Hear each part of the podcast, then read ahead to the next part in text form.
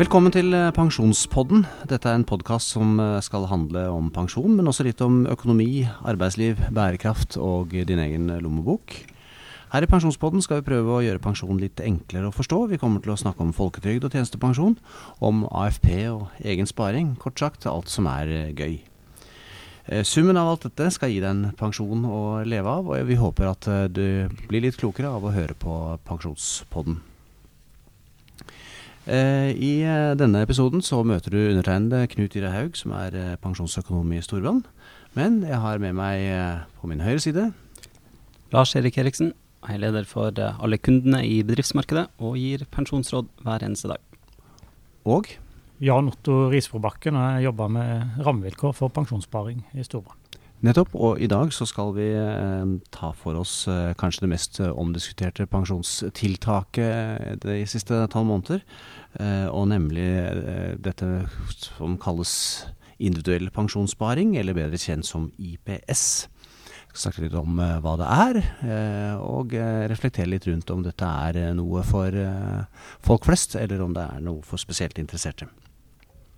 Aller først, Lars Erik og Jan Otto, hva er dette IPS? Hva er denne individuelle pensjonssparingen? Uh, det er en, eh, en mulighet for eh, oss som individer til å kunne spare til pensjon på egen hånd med skattefordeler. Det er en ordning som ble innført på høsten i fjor.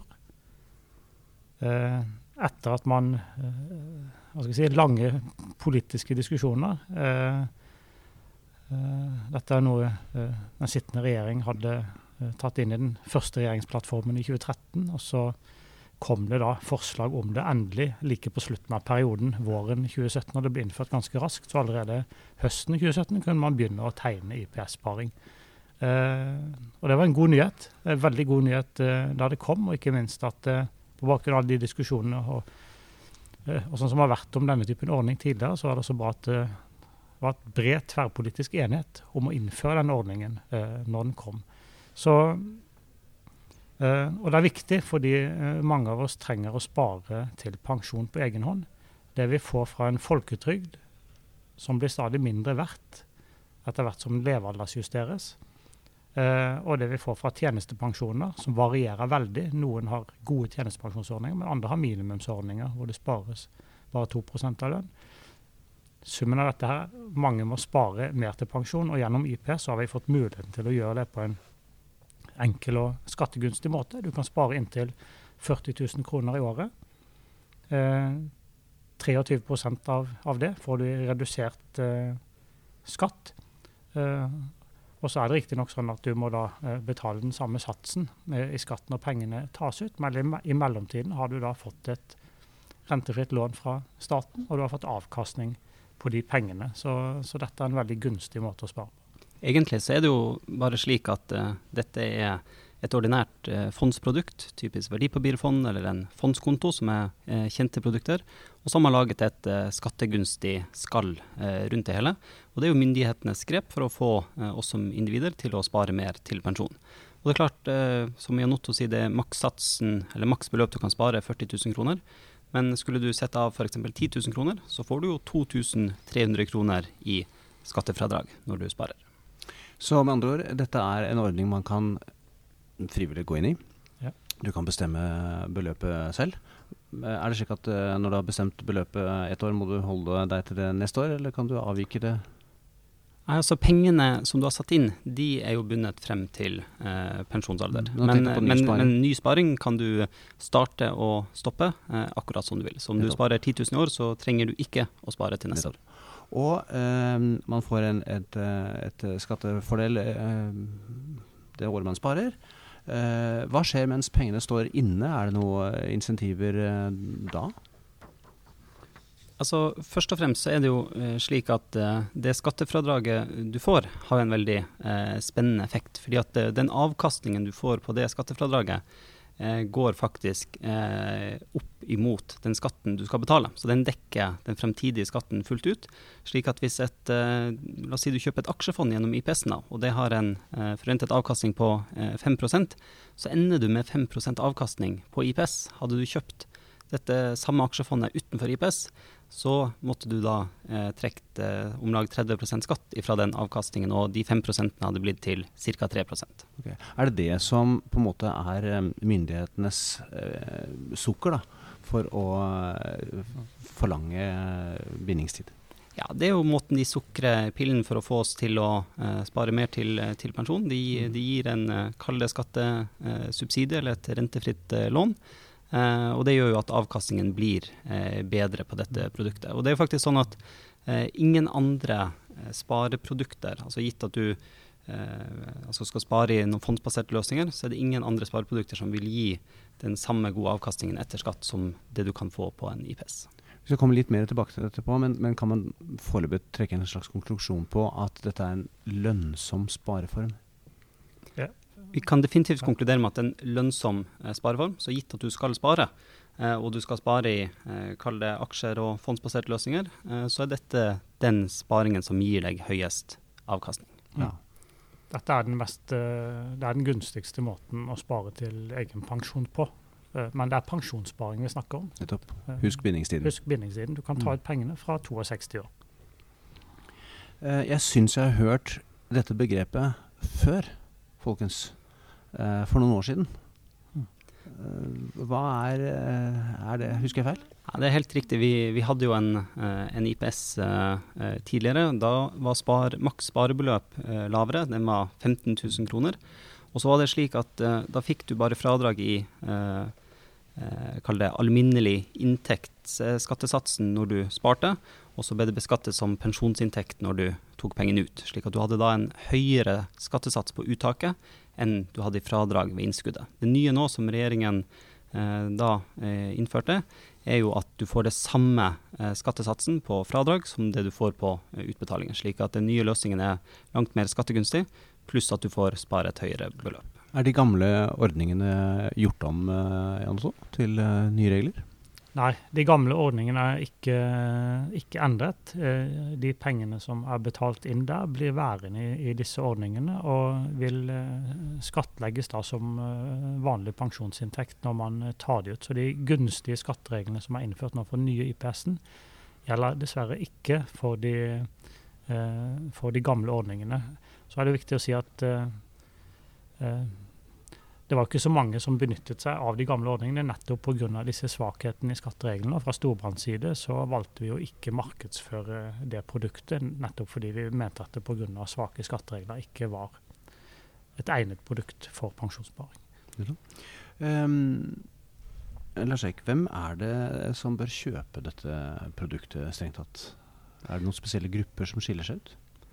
Altså, eh, det er jo mange grupper som dette produktet eh, passer for. Eh, det er ingen tvil om at eh, jo lengre tidshorisont man har, altså jo yngre man er, jo større effekt får man av dette skattefradraget, og, eh, og større effekt får man eh, det av denne rentes rentegevinsten man bygger opp underveis.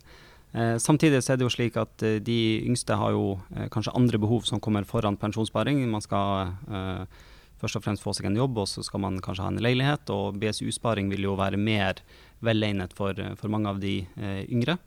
Eh, for de, eh, kall det litt mer eh, voksne, og som eh, har rundet 40 og, og, og, så videre, og ikke kan benytte seg av eh, BSU og, og, den type ting, så, så, fremstår dette som et svært gunstig produkt.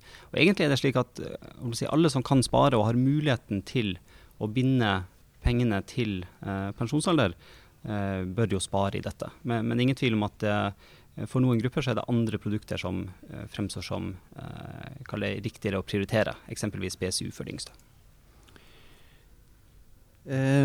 du sa at dette var egentlig en vanlig sparing, men pakket inn med noen skattefordeler. hvordan, hva er egentlig alternativene for plasseringen av penger? skiller det seg noe fra andre skal vi kalle det tilsvarende spareformer? Stort sett så ligner jo dette veldig på eh, den pensjonssparingen som du f.eks. har gjennom din eh, arbeidsgiver. Hvis du jobber i privat sektor i Norge, så har jo de aller fleste en innskuddspensjon. og da har de typisk en spareløsning hvor aksjeandelen tilpasses til din alder og, og, tidshorisont. Og dette er også den mest vanlige løsningen på IPS. Samtidig så kan du jo eh, velge hva du vil, så du kan velge på en måte et rent eh, eksempelvis norsk aksjefond, eller du kan velge et eh, rentefond. Eh, slik at eh, den menyen du ser innenfor fondssparing, vil du typisk se igjen eh, innenfor IPS. Mm. Så de underliggende spareløsningene er de samme som du ser både på innskuddspensjon og, og egen sparing utenom IPS-regelverket. Det er jo en av de store fordelene med ordningen. Altså, formålet er jo å kunne supplere den sparingen som arbeidsgiver gjør gjennom tjenestepensjonsordningen med egen sparing.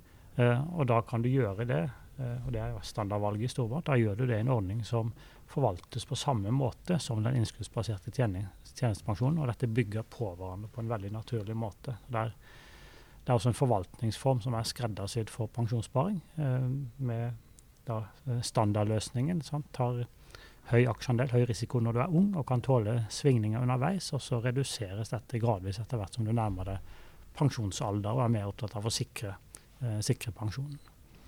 Um, det er et uh, veldig sånn uh, mye snakk da, om dette med um, at pensjonspenger bør plasseres smart. Og da tenker jeg på bærekraftig smart.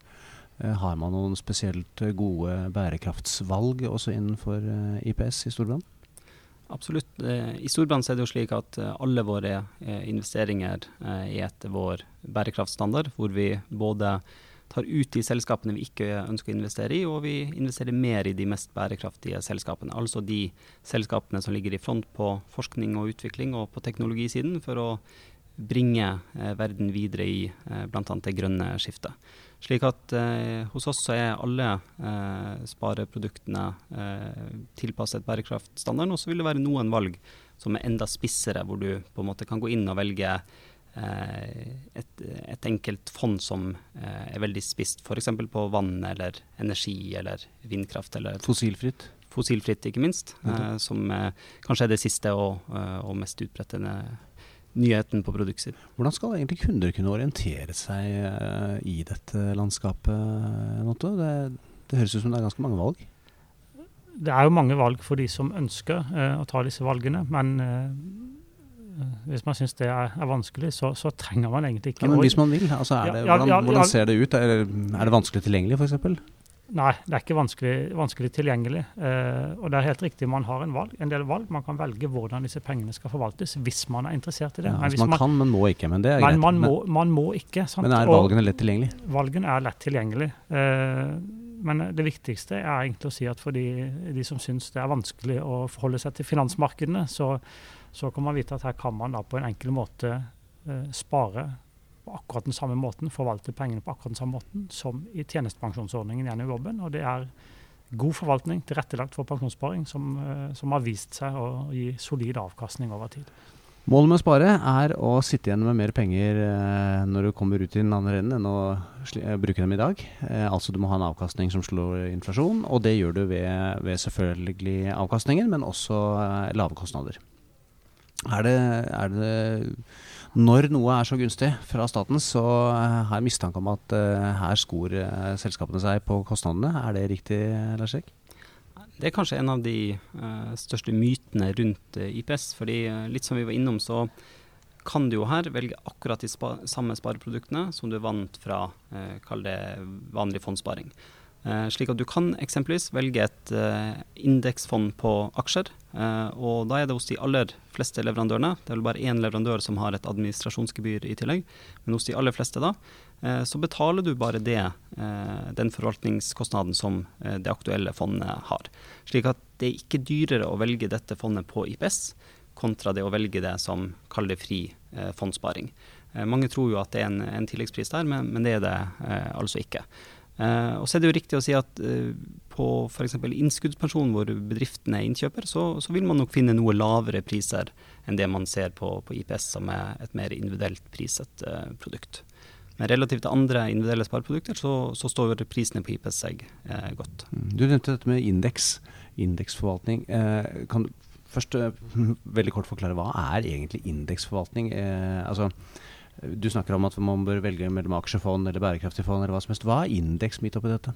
Ja, eh, Indeks det betyr rett og slett at uh, man kjøper hele sammensetningen av aksjer uh, på en børs. Uh, hvis vi tar vårt eget hjemland, Norge, og da er det Oslo Børs som, som gjelder. og hvis man har et indeksfond, så kjøper den egentlig summen av alle aksjene på, på Oslo Børs. Eh, men hvis man velger et aktivt fond, eh, så betaler man typisk noe mer. Eh, og da vil den personen eller det teamet som forvalter fondet, forsøke å gjøre det bedre enn sammensetningen på Oslo Børs. Hvis man f.eks. tror at uh, Orkla-aksjen skal gå bedre enn uh, snittet av de øvrige aksjene, ja, så eier man mer i Orkla enn uh, i andre selskaper. Vi skal komme litt mer inn på det på en annen episode i poden, men bare sånn veldig kort. det betyr med andre ord at du kan godt altså, Du skal fortsatt velge hvor stor aksjefondsandel du kan ha, men du kan også da velge om den aksjefondsandelen skal være et indeksfond f.eks. Det er riktig. Og så er det litt som Jan Otto var innom, at vi har jo da en oppstad, altså en kaller eh, default-løsning eller oppstartsløsning, eh, hvor alt dette skjer, eh, skjer ja. automatisk. Eh, men for den som er interessert, eh, så er det gode muligheter til å, til å, velge fra en meny. Så har man gjort disse valgene. Eh, man har puttet sine penger inn, du har fått sine skattefordeler. Um, og så kommer man til skjells åre alder, Jan Otto. Um, du sa pengene var bundet til pensjonsalder. Det betyr 62 år, går ut fra? Det betyr 62 år. Uh, men hva skjer så? Er det da noe å tenke på? Skal man da bare knipse fingrene? Nå vil jeg ha pengene mine. Og det strømmer ut. Hvordan er utbetalingen på IPS? Altså, du kan, eh, du kan velge å ta ut pengene fra, fra, fra 62 år. Eh, du må selvfølgelig ikke gjøre det. Du kan, du kan også vente. Eh, det er sånn at pengene skal betales ut til du blir 80. Men hvis det er mindre beløp, så kan man få det utover, utover kortere tid.